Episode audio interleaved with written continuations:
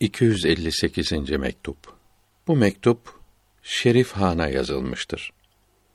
Allahü Teala'nın yakın olduğunu açıklamaktadır. Allahü Teala'ya hamdolsun. Onun seçtiği temiz insanlara selamlar olsun. Lütfederek göndermiş olduğunuz kıymetli mektubunuz gelerek biz fakirleri çok sevindirdi. Allahü Teala da sizi sevindirsin. Yavrum, Allahü Teala'nın bizlere kendimizden daha yakın olduğu Kur'an-ı Kerim'de bildirilmiştir.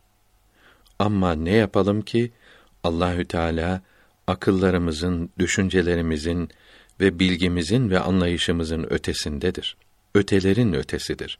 Şunu da biliyoruz ki bu ötelik uzaklık, yakınlık bakımından olup uzaklık bakımından değildir.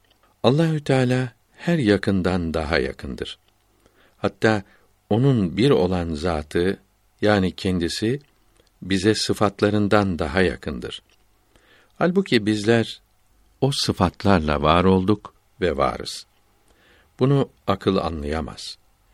Çünkü bir şeye başkasının kendinden daha yakın olmasını düşünemez. Bunu açıklayabilmek için bir misal aradım ise de bulamadım. Bu bilgi kesin olarak Nas'a yani Kur'an-ı Kerim'e dayanmaktadır. Doğru olan keşfler de böyle olduğunu gösteriyor. Tarikat sahipleri tevhidten ve birleşmekten söz etmişlerdir. Yakınlıktan, beraber olmaktan uzun uzun konuşmuşlardır. Fakat Allahü Teala'nın çok yakın olduğunu hiç söylemediler insanları şaşkınlıktan kurtaracak bir açıklama yapmamışlardır.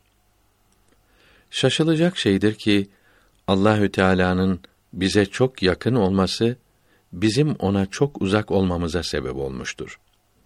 Bunu iyi anlayınız. Sözümüzde işaretler ve beşaretler vardır.